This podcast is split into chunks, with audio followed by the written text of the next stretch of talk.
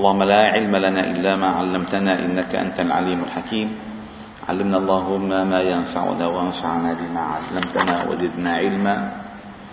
واجعلنا ممن يستمعون القول فيتبعون أحسنه.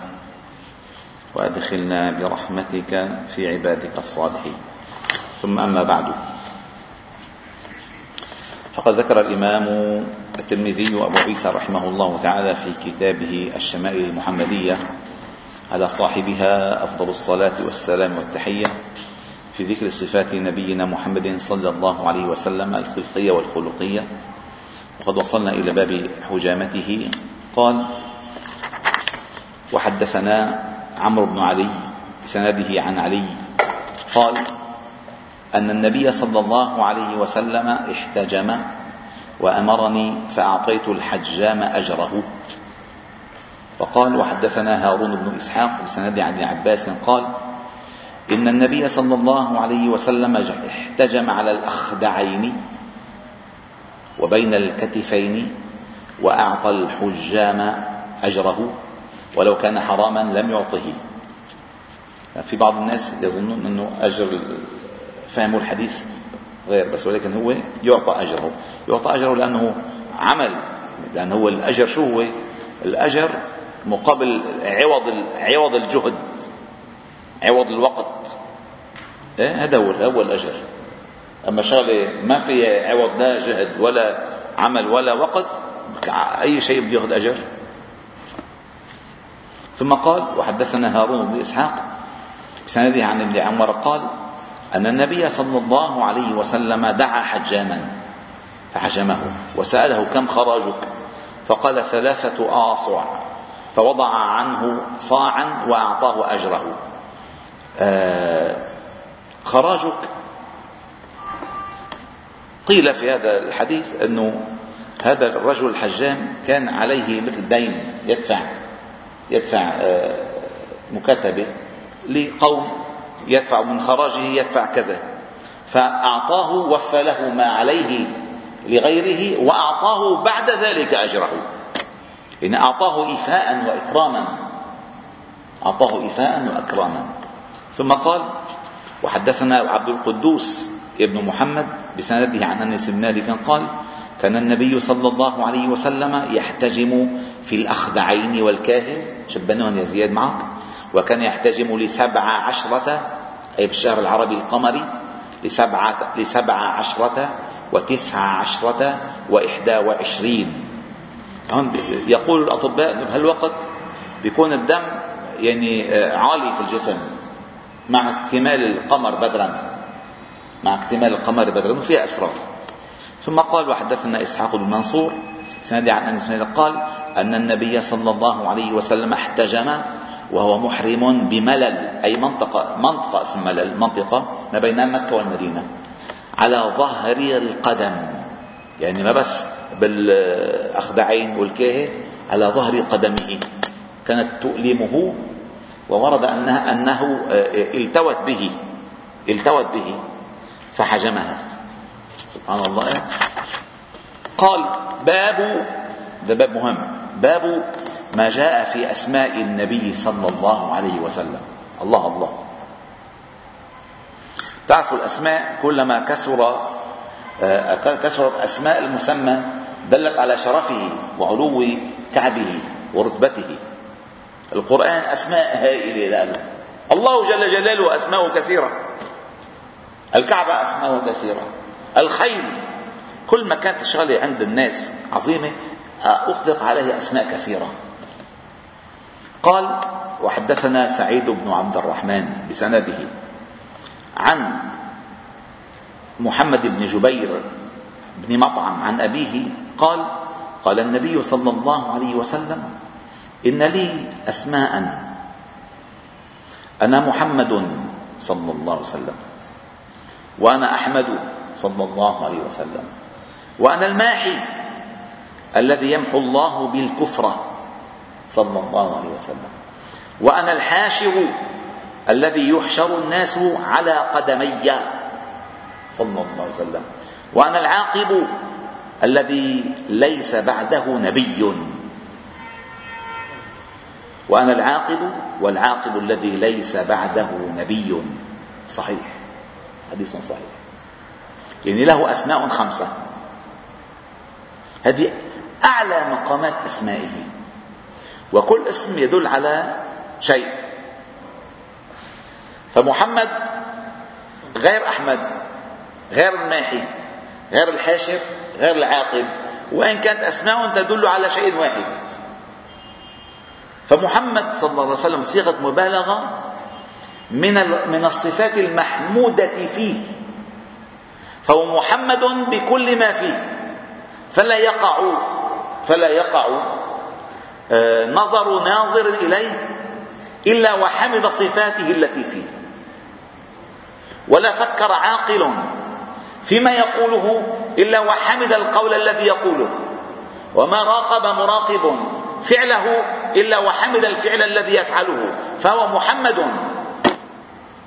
في كل ما فيه. يعني كل ما ترى فيه محمود عليه. هي صيغة صيغة مبالغة من المحمودات التي آه، حوته وحويها وضمته وضمها.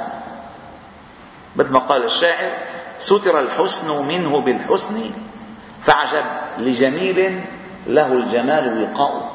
فكل ما فيه محمود. إن سكت محمود إن تكلم محمود إن نظر محمود إن تحرك محمود إن نام محمود إن تزوج محمود إن أكل محمود. ففي كل صفة ليش؟ إن خير الهدي هدي محمد صلى الله عليه وسلم.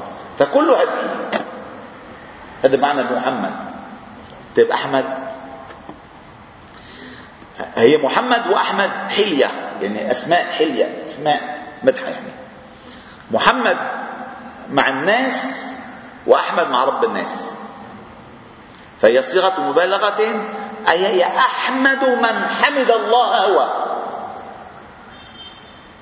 هو الأحمد. لذلك الله تعالى سماه أحمد. قال ومبشرا برسول يأتي من بعده اسمه أحمد. صلى الله عليه وسلم.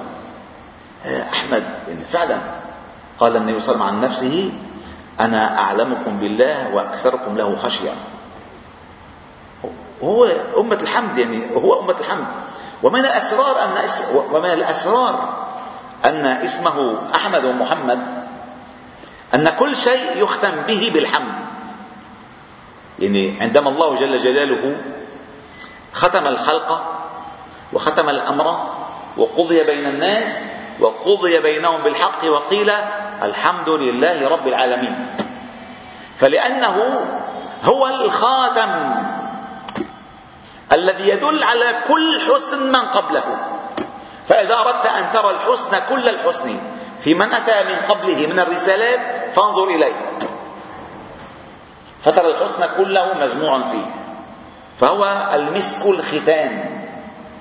فلذلك هو كل ما فيه محمود وهو أعلى مقام من حمد ربه. هو الأحمد. يعني من من أفضل عند الله هو. لما؟ لأنه أحمد. يعني هو أحمد من من حمد ربه. أعبد من عبد ربه. وأنا أول العابدين أي الحامدين. فقال وأنا محمد صلى الله عليه وسلم. وأنا أحمد. شفت الفرق بين محمد وأحمد؟ الفرق. ثم قال وأنا الماحي الذي يمحو الله بي الكفر. ليش ماحي؟ لأن الله أرسله بالنور. والنور يمحو الله به الظلمات. كل الظلمات. هو الذي أرسل رسوله بالهدى ودين الحق ليظهره على الدين كله. فإذا ظهر على الدين كله ما سواه محى ما بقى له أثر. وما معنى ليظهره على الدين كله؟ يعني الدين يطلق على كل شيء تدين به سواء كان بالحق أو بالباطل. كل شيء. فما جاء به النبي صلى الله عليه وسلم من الهدى والعلم والنور يظهر على كل ما يطلق اسمه دين فهو ظاهر عليه.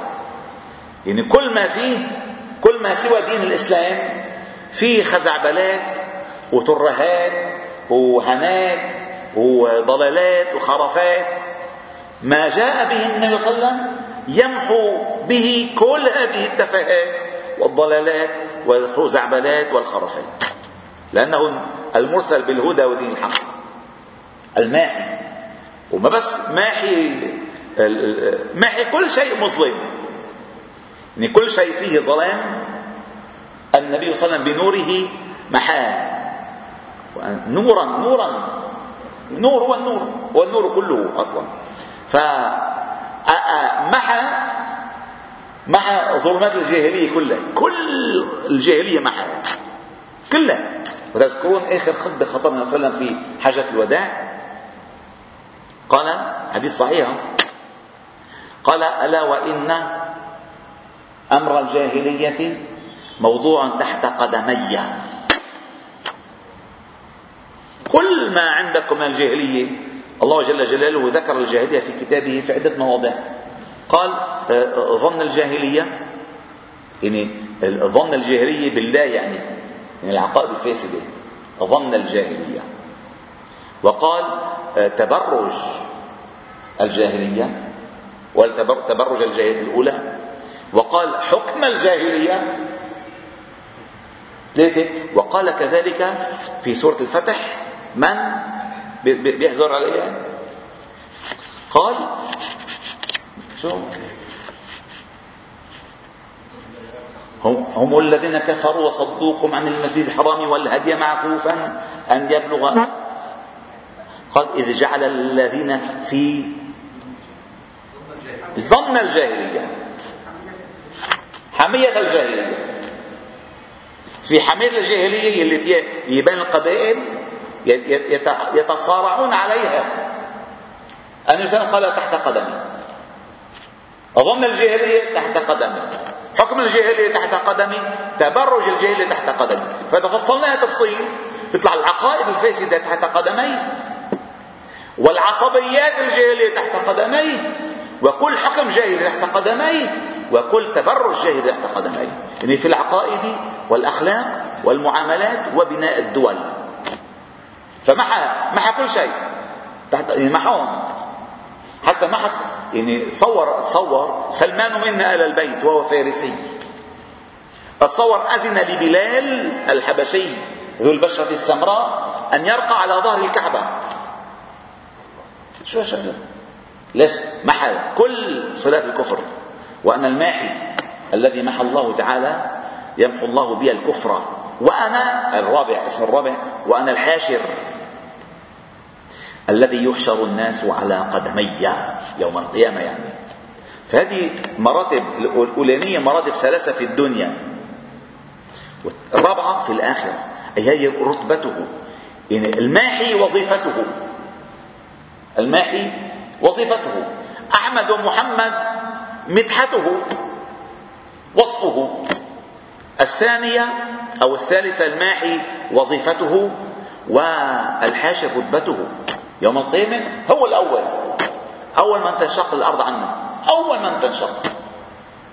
ويأتي الناس وهم فزعون.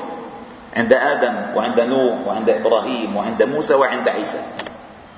فيقولون إليكم بمحمد صلى الله عليه وسلم. فيأتون الناس فيقول أنا لها أنا لها. الحاشر يحشر الناس عند قدمي. وهذه مرتبة. أنا رافع آه، لواء الحمد يوم القيامة. تحته آدم فمن, فمن دونه. تصور هو رافع اللواء وتحته للواء آدم وتحته العالم كله. الله أكبر. فالحاشر اللهم احشرنا معه صلى الله عليه وسلم. تحت لوائه المعقول. وقال وأن العاقب. العاقب أي الذي ليس بعده نبي. فختمت به الرسالات والنبوات والوحي. فهو العاقب. لا نبي بعده خاتم النبيين. ما كان محمد أبا أحد من رجالكم ولكن رسول الله وخاتم النبيين. وجعل الله تعالى كل سره في ختمه أي في ختمته للرسالة كل الأسرار بالختم ليش؟ لأن خلص ما بغى يتعدل شيء. عادة بيجي نبي بعد نبي فبيعدل اللي قبله. فلما ربنا قال قضى أنه الخاتم يعني ما في تعديل. كمل الدين. اليوم أكملت لكم دينكم وأتممت عليكم نعمتي ورضيت لكم الإسلام دينا والحمد لله رب العالمين. سبحانه وبحمدك أشهد أن لا إله إلا أنت. نستغفر إليك. وصلي وسلم وبارك على محمد وعلى آله وأصحابه أجمعين.